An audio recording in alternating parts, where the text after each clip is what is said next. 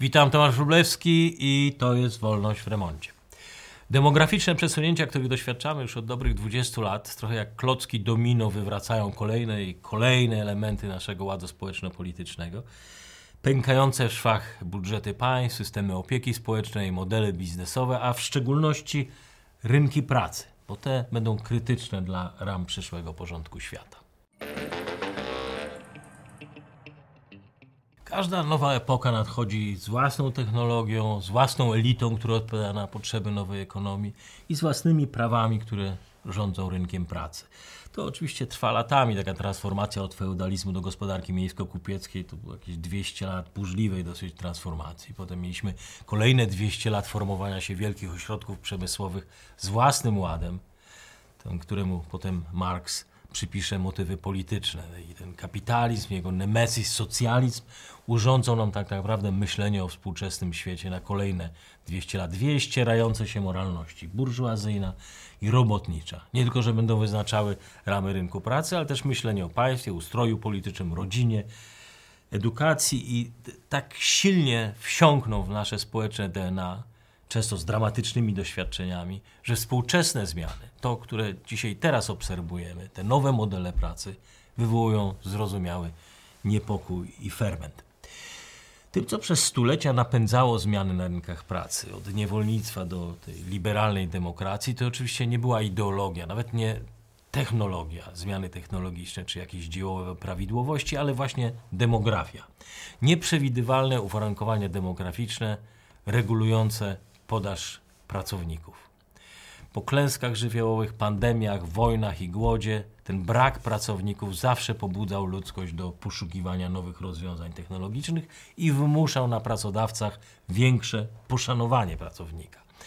Oczywiście też w drugą stronę to działało. Nowe technologie, rozwój medycyny, o czym pisze na przykład Paul Morland w książce Ludzka fala, odwracały ten trend. Pisze, praca ludzka stawała się tania i dawała przewagi posiadaczom, właścicielom ziemskich, a w czasach rewolucji przemysłowej koncernom przemysłowym, czy już w naszym stuleciu obfitość na przykład pracowników w Chinach, w Europie Środkowej stworzy niepowtarzalne szanse i warunki do rozwoju globalnych, międzynarodowych koncernów. Wbrew linearnej teorii dziejów, którą głoszą kolejne generacje marksistów, progresistów, nie istnieje coś takiego jak logiczna ciągłość zmieniających się stosunków pracy. Ta sama pańszczyzna, która znikała w XIII wieku, 200 lat później, wraz ze zmianami demograficznymi, migracją ze wsi do miast, odrodzi się na nowo w Niemczech, Włoszech, rozwinie się, wzmocni się w Polsce. Batalia, którą związki zawodowe toczyły w latach 50., 60. XX wieku na rzecz praw pracowniczych, w latach 90. przejdzie prawie że w niepamięć, razem zresztą z tymi słabnącymi związkami zawodowymi, które w epoce rozciągnięcia się łańcuchów dostaw, obfitości tanich pracowników w Azji, zostaną gwałtownie zmarginalizowane. I na powrót, w miarę postępującej dziś geopolitycznej fragmentaryzacji świata, czy jak ktoś chce deglobalizacji, przy jednoczesnej implozji, zapaści demograficznej, brak rąk do pracy sprawia, że obserwujemy renesans praw pracowniczych. Każda wielka fala demograficzna niesie ze sobą coś, co David Goodcar w książce Głowa, ręka, serce w tłumaczeniu nazwał redystrybucją szacunku zawodowego. Na rozmaitych etapach pisze rozwoju gospodarczego, technologicznego i demograficznego, rozmaite zawody i różne ścieżki kariery cieszą się szczególnym szacunkiem społecznym. Na co dzień nie zastanawiamy się, dlaczego tak jest. Przyjmujemy, że w naszym świecie lepiej być wykształconym niż nie być. Lepiej mieć pracę za biurkiem niż przy łopacie, lepiej być pracownikiem marketingu niż zakładów uczyszczania miasta i w tej naszej współczesnej piramidzie szacunku zawodowego lepiej być aktorem na przykład niż kierowcą autobusu, nawet, nawet jeżeli to nie przekłada się na płace. Stereotypy zawodowe przypisane są do każdej kariery. Są częścią naszego porządku społecznego, częścią opowieści o współczesnym świecie.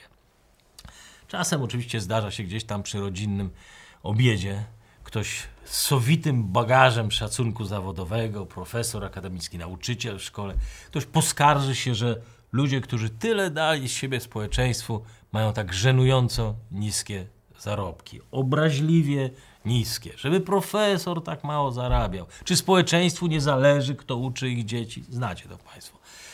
To jest to, co socjologowie nazywają paradoksem stereotypu szacunku zawodowego, gdzie płaca po prostu nie podąża za szacunkiem społecznym.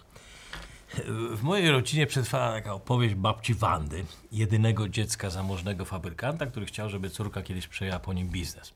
I, no i pamiętam opowieści babci, jak to w dzień pracowała w sekretariacie fabryce ojca, prowadziła buchalterię, a wieczorami wymykała się na lekcje do szkoły teatralnej od dziecka chciała być aktorką. Myślę, że rzeczywiście była do tego stworzona, ale rzecz w tym, że 100 lat temu szacunek zawodowy aktorki był bardzo niski. Niewiele lepiej niż fordancerki. Dalej nie będę rozwijał.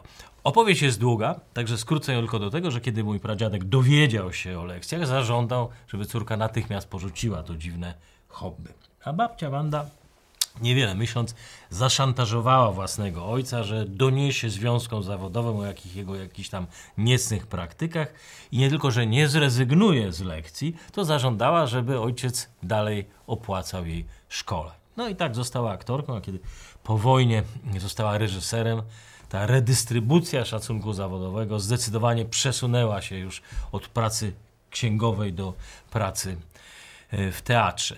Dziś pewnie na nowo status materialny aktorki mógł być niewspółmierny do statusu fabrykantki, ale szacunek zawodowy aktora teatralnego z pewnością jest wyższy niż buchalterki. I, i to jest to, co czyni nasz rynek pracy tak fascynującym, ale też skomplikowanym, kiedy ten szacunek zawodowy nie nadąża za zmianami technologicznymi, przemianami demograficznymi no i przede wszystkim płacami taki prawnik, gdzieś wysoko w hierarchii społecznej, ale już pewnie na karku czuje, dyszy mu czat GPT i za te, nie wiem, 5-6 lat jego płace runą. Ale szacunek zawodowy jeszcze długo zostanie, aż ci, którzy tak ciężko pracowali, nocami studiowali, żeby dostać ten dyplom, zaczną się burzyć, zaczną się domagać sprawiedliwości społecznej, jak dziś nauczyciele czy profesor akademicki.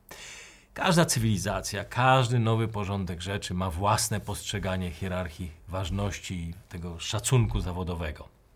Zawodowy rycerz, ksiądz, murarz, złotnik, urzędnik państwowy, wykładowca uniwersytecki na różnych etapach dziejów różne zawody stawały się wyznacznikiem prestiżu i tego miejsca na dramidzie piramidzie społecznej. W naszym postindustrialnym świecie największa zmiana dotyczyła postrzegania człowieka przez pryzmat kwantyfikowanych zdolności, a nie przymiotów moralnych czy tam pochodzenia, urodzenia. Kapitalizm i demokracja sprawiły, że przynajmniej teoretycznie wszyscy staliśmy się równi i to nie tylko w oczach Boga, ale także w obliczu rynku. Jedyne, co nas od siebie miało różnić, to wycena naszych kompetencji i możliwości zawodowe. Tym, co zastąpiło tytuły szlacheckie, hrabioskie czy reputacje rodziny, miały właśnie być dyplomy i certyfikaty. I tak merytokracja stała się jednym z symboli dwudziestowiecznego ładu, całej tej naszej zachodniej kultury. Coś jak szlachta ze swoimi wartościami była tworzyłem średniowiecznego ładu, a burżuazja industrialnego. Sam termin merytokracji liczy już ponad 2,5 tysiąca lat i pochodzi od Konfucjusza, który pisał: Ci, którzy rządzą, powinni to robić ze względu na zasługi, a nie odziedziczony status. Mowa właśnie o wiedzy, o merytokracji. Koncept dał początek instytucji cesarskich egzaminów i tej świeckiej biurokracji otwartej tylko dla tych, którzy właśnie zdali testy. Współczesne rozumienie merytokracji zawdzięczamy lordowi Michaelowi Youngowi, autorowi pierwszej rozprawy o merytokracji z 1958 roku i tak naprawdę rozprawy o transformacji szacunku od hierarchii urodzeń do hierarchii talentów i umiejętności. To, że koncept rozwinął się w Anglii, Wielkiej Brytanii, nie jest rzeczą przypadku merytokracja była o tyle pojęciem klasowym, co i narzędziem przeobrażenia XIX-wiecznego społeczeństwa w postkolonialne mocarstwo brytyjskie. Skoro niemożliwe było już utrzymanie dawnych kolonii, a z nim pełnej podległości żyjących tam narodów, to trzeba było znaleźć spoiwo dla tego nowego postkolonialnego imperium brytyjskiego, dla Commonwealthu. Nowa architektura otwierająca drogę do awansu mieszkańcom wszystkim, którzy żyli dalej w dawnych koloniach, ale w ramach brytyjskich już instytucji, ze szkołami, uczelniami, to było najważniejsze. I to, jak zauważa historyk Philip Murphy, E, brytyjski system szkolnictwa wyższego mm, e, jest czasem określany jako forma imperialnego soft power. Właśnie dlatego, że przewinęło się przez niego tak wielu przyszłych światowych liderów Hindusów, Pakistańczyków, mieszkańców Hongkongu, którzy w ten sposób dalej pozostawali w brytyjskiej orbicie, dalej służyli królowej, królowi, ale teraz przekonani byli, że robią to dla siebie, dla swojej wiedzy, dla swoich wartości, a nie dla okupanta. W Stanach Zjednoczonych ścieżka kariery zawsze była oczywiście bardziej demokratyczna, ale tutaj też największe fortuny przechodziły z pokolenia na pokolenie i droga do zamożności niekoniecznie wiodła przez wiedzę i talent, ale często przez powiązania rodzinne czy kilka, kilka ekskluzywnych uczelni, do których przyjęcie było arbitralną decyzją tych, którzy je finansowali. Kiedy pierwsza wojna światowa dobiegała końca, senator Edwin Sweet uznał, że właśnie nadarzyła się niepowtarzalna okazja odświeżenia tego tradycyjnego amerykańskiego modelu elit, tej przyspawanej, hierarchicznej burżuazji. Powracający z wojny w Europie weterani mogli teraz dać Ameryce niepowtarzalny bodziec do rozwoju, ale też ochronić kraj przed, jak przestrzegał Sweet, żeby sfrustrowani, zostawieni sobie mogli stać się pasem transmisyjnym radykalnych europejskich ideologii socjalistycznych rozsadzających kraj. Ustawa Sweeta z 1918 e, roku, Soldiers and Sailors e, Civil Relief Act, gwarantowała każdemu weteranowi 60 dolarów. Jednorazowy zasiłek, co myślę, że wystarczało pewnie na zakup ubrań po wojnie. Ale ważniejsze od pieniędzy były szkolenia, które oferowano weteranom w zależności od wykształcenia, tego co robili przed wojną, mogli szkolić się w rolnictwie, logistyce, finansach, administracji czy zostać policjantem. Ostatecznie agencja skierowała do pracy 3 miliony osób, nie tylko chroniąc ich przed bezrobociem, ale przede wszystkim tworząc taką unikalną, elitarną, patriotyczną kadrę administracyjno-przemysłową. I to był jeden z największych w historii projektów redystrybucji szacunku zawodowego. Projekt trwał do lat 50., ale już po II wojnie światowej Stany Zjednoczone stanęły przed innymi wyzwaniami. E, bardziej już wtedy niż kadry przemysłowej potrzebowano wykształconych elit, które przeprowadzą Amerykę przez zimną wojnę.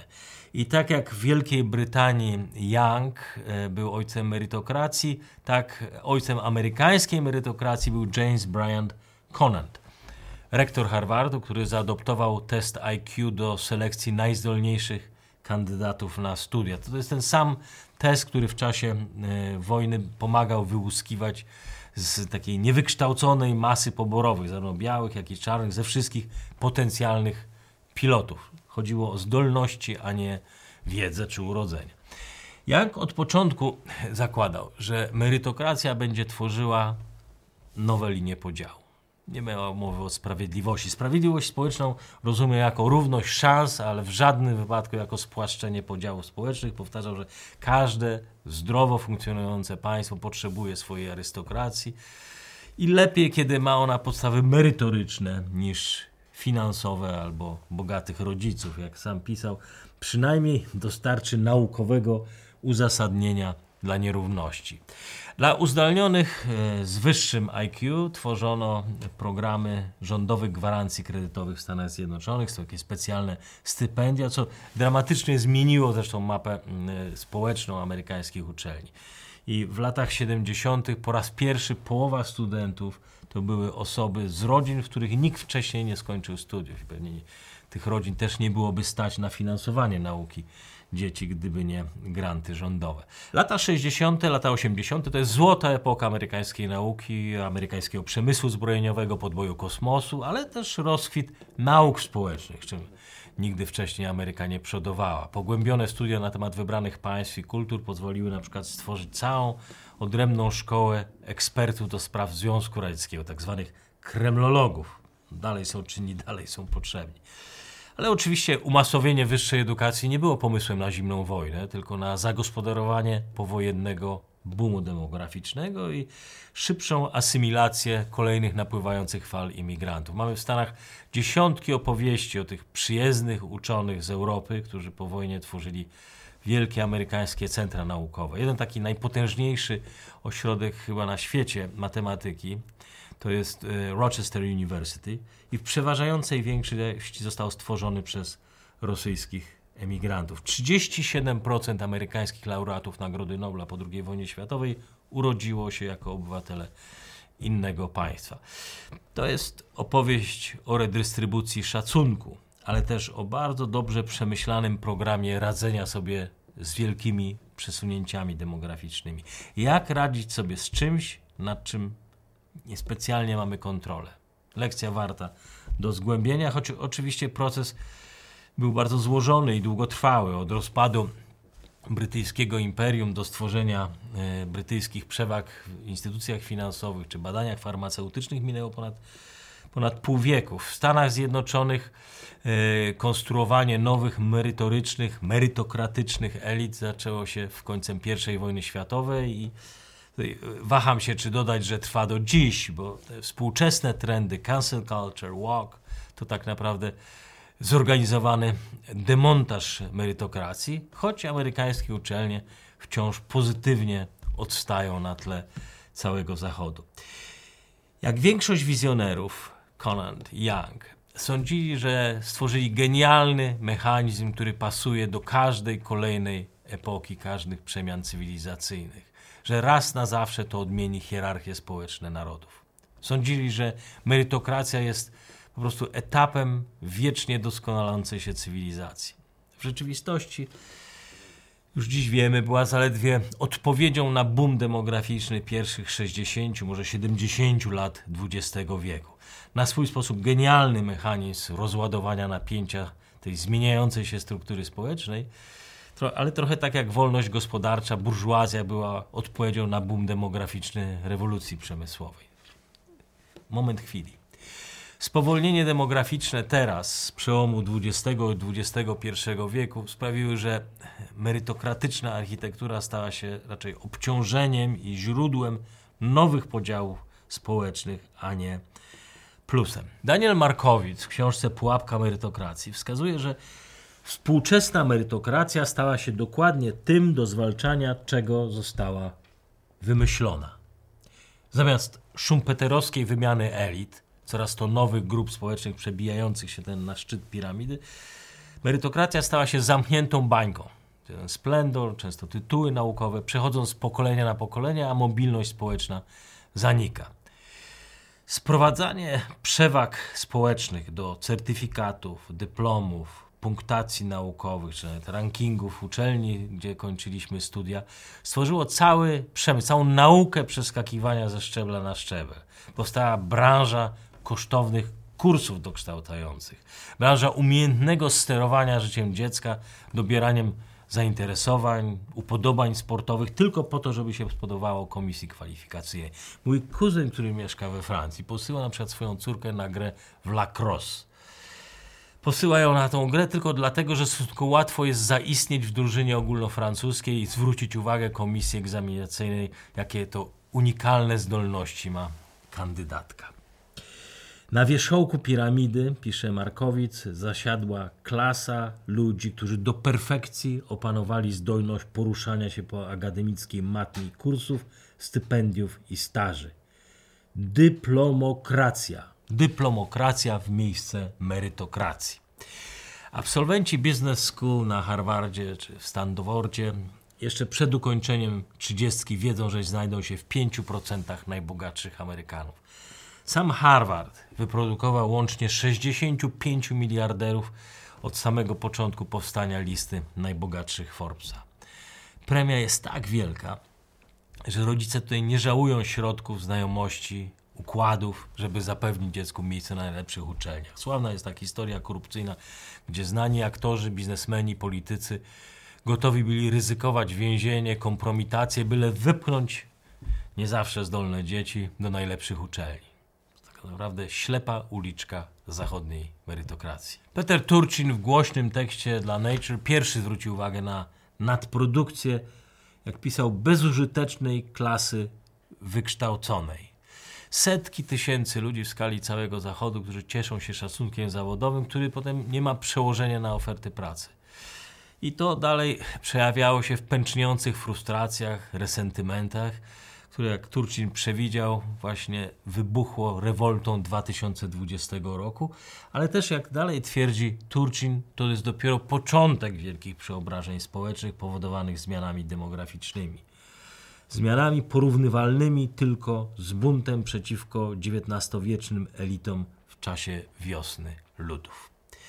Dyplomokracja, czyli merytokracja w naszym XXI wieku.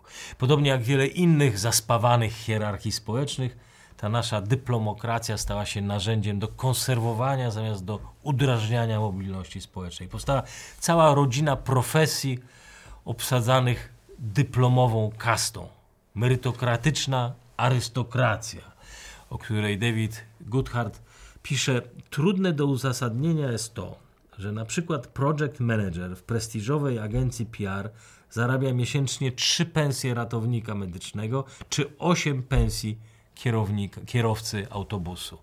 Wycena rynkowa wynika z norm społecznych i nie odnosi się ani do poziomu odpowiedzialności, ani wymaganych umiejętności, czy nawet lat doświadczenia.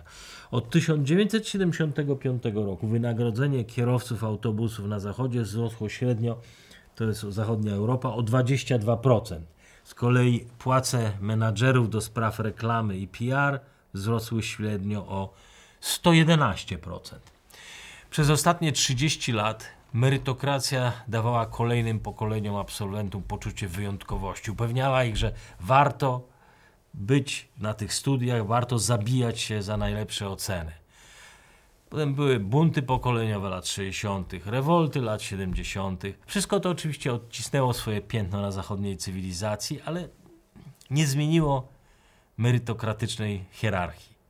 To samo zresztą lata 80., 90. Sporo te lata namieszały młodym ludziom w głowach nadmiarem używek, seksu i bałamutnych idei postmarksistów, ale na koniec wszyscy pokornie zdawali egzaminy, składali podania do korporacji, a potem powtarzali swoim dzieciom, że tylko krocząc po kolejnych szczeblach dyplomów mogą w życiu kimś zostać. Coś zaczęło pękać w systemie po wielkim kryzysie 2008 roku. Jak pisze Markowic, gwałtowna pauperyzacja klasy średniej spowodowała, że merytokracja, klasa średnia, przekształcała się w lumpen proletariat. Teraz dodatkowo została dotknięta inflacją, tą rękawicą, wyzwaniem rzuconym przez sztuczną inteligencję. I na naszych oczach najwięksi beneficjenci merytokracji, ta arystokracja, niegdyś zbrojna w szacunek zawodowy, traci stopniowo grunt pod nogami. Tekściarze, marketingowcy, analitycy, tłumacze, konferencjerzy, wszyscy stopniowo tracą dawne pozycje w miarę rozwoju sztucznej inteligencji, zaczynając od dziennikarzy, najwięksi przegrani mediów społecznościowych. Jak pisze Goodhart, zjawisko będzie dalej narastało. Rynek skalkuluje podaż, popyt i korzyści z wykonywanej pracy. Czeka nas wielki kryzys merytokracji, upadek statusu dyplomu na rzecz łopaty, czyli łatwo zmierzalnych prac i efektów. Jak każda umierająca klasa, merytokracja wierzga i kopie frustracje, resentymenty, gorycz, marginalizacji przyjmuje tutaj najróżniejsze formy. To są masy sfrustrowanych działaczy Antify, w Polsce strajk kobiet, wojujący klimatyści, czy poprzyklejani do bruku i obrazów w muzeach aktywiści ostatniego pokolenia. Ale to też są bardziej wyrafinowane oczywiście formy. Niemal religijna walka z dezinformacją, z fake newsami, które no, nie, nie tyle mają oczyścić świat z fałszu, bo to nigdy nikomu się nie udało, co przywrócić poczucie kontroli tym, którzy niegdyś niezwykle byli szanowani, tym dawnym elitom, dla których w nowym świecie, w tej nowej sztucznej inteligencji jest coraz już mniej i mniej miejsca. To są ci sami ludzie, którzy jeszcze 20 lat temu z taką pobłażliwą obojętnością patrzyli, jak pracownicy fizyczni, robotnicy, rzemieślnicy, drobni przedsiębiorcy, sklepikarze, wszyscy tracili pracę i szacunek w dobie globalizacji, kiedy tamtych miejsc pracy było coraz mniej, kiedy uciekały do Azji. Zresztą Goodhart też o tym pisał w swojej we wcześniejszej książce Droga do, Droga do gdzieś tam. Teraz szale się odwraci, odwróciły. Klimatyści, transgenderyści, cały ten sfrustrowany narybek merytokracji częściej gwałtowniej protestuje niż górnicy czy kierowcy ciężarówek. Inteligencja, a nie robotnicy wychodzą na ulicę. Obserwujemy repolaryzację szacunku w stronę ludzi wykonujących wymierną pracę. I to nie będzie łagodny proces. W większości zachodnich państw liczba osób w wieku 20-34 z wyższym wykształceniem sięga średnio w krajach OECD 40%, w Polsce nawet 42%, ale już w najbogatszych państwach, w Stanach Zjednoczonych 50%.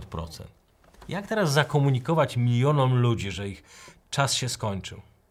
Aplikacja w telefonie wykona szybciej i lepiej wszystko to, w czym się wyspecjalizowałeś. Od 1997 roku do 2017 roku płace absolwentów uczelni wyższych rosły jakieś pół punktu procentowego rocznie szybciej niż płace absolwentów szkół średnich, a od początku 2021 roku rosną znacznie wolniej. Po raz pierwszy od lat 80. nierówności płacowe na całym Zachodzie spadają, ale nie dzięki lewicowym ideologiom, ale rosnącym płacom pracownikom z niższym uposażeniem, tym wszystkim z średnim wykształceniem. Przyjrzyjcie się, o czyją sprawiedliwość i równość walczą dziś progresywni aktywiści, ten ich prekariat. Prekariat to dziś pracownicy edukacji, bibliotek, absolwenci uczelni, wszyscy skazani na pracę w fast foodach albo marginalizację płacową. David Ator y, z MIT twierdzi, że płace osób najniżej usytuowanych i najniżej certyfikowanych wręcz poszybowały w ostatnich latach, najszybciej od ćwierć wieku.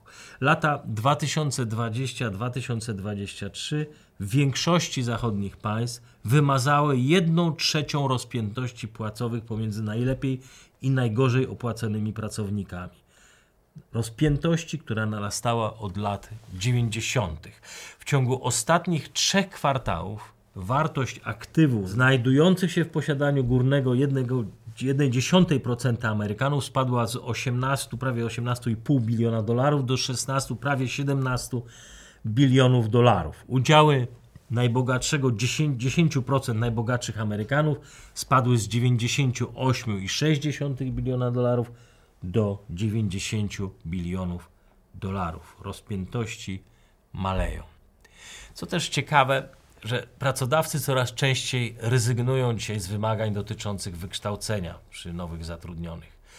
I najrzadziej zwalniani pracownicy w ostatnich dwóch latach to kierowcy, sprzedawcy i sprzątaczki, a najczęściej zwalniani pracownicy to są pracownicy marketingu czy promocji. Historyk Yuval Harari twierdzi, że wielkie przesunięcia demograficzne w połączeniu teraz ze sztuczną inteligencją pozbawią tysiące pracowników umysłowych ich pracy i zawodu. Świat będzie potrzebował nowych modeli społeczno-ekonomicznych, nowego systemu edukacji, żeby radzić sobie z tą nową rzeczywistością.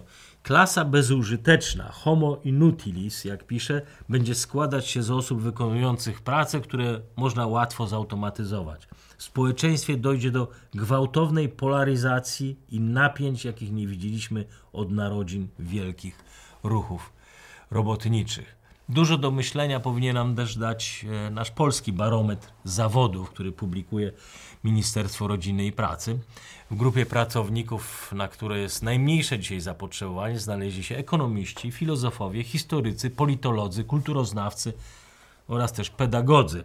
Z kolei na liście zawodów deficytowych znajdziemy najwięcej kierowców, stolarzy, elektryków, fizjoterapeutów, magazynierów, lekarzy, pielęgniarek, większość zawodów budowlanych, z niewielkimi wyjątkami. Wszystko to są zawody niewymagające wyższego wykształcenia.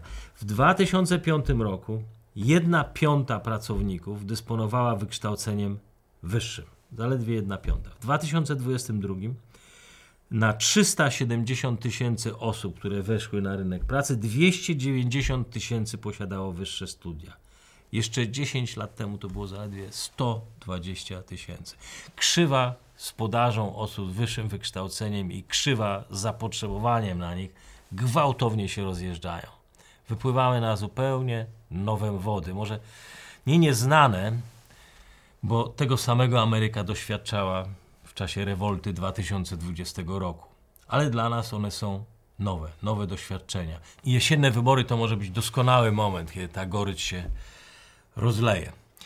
Twierdzenie Harariego, że konieczne będzie stworzenie jakiegoś nowego modelu społeczno-gospodarczego, żeby zapobiec tragedii, wielu progresywnych publicystów, akademików odczytuje jako sygnał do rewolucji, do zastąpienia kapitalizmu czymś, co będzie przypominało rozmaite utopijne koncepty postmarksistowskich ideologów, jak choćby gwarantowana płaca minimalna. Brytyjski lewicowy komentator Paul Mason proponuje przejście społeczeństwa w kierunku postkapitalizmu. Mason uważa, że w obliczu problemów tej ery cyfrowej i demograficznej implozji państwo, pisze, musi zrobić więcej, aby okiełznać prywatne finanse, a jednostki muszą zrobić więcej, aby wyzbyć się własności. To nawet mogło być zabawne, gdyby nie to, że zawsze, kiedy historia wpada w turbulencję, zamiast realistów do głosu dochodzą radykalni kreatorzy rzeczywistości. I nawet jeżeli utopia z oczywistych względów nigdy się nie zrealizuje, to droga do niej może być piekielna. Zapraszam już za tydzień na kolejny odcinek Wolności w Remondzie na kanale Warsaw Enterprise Institute, na YouTube oraz na Spotify i podcastach iTunes.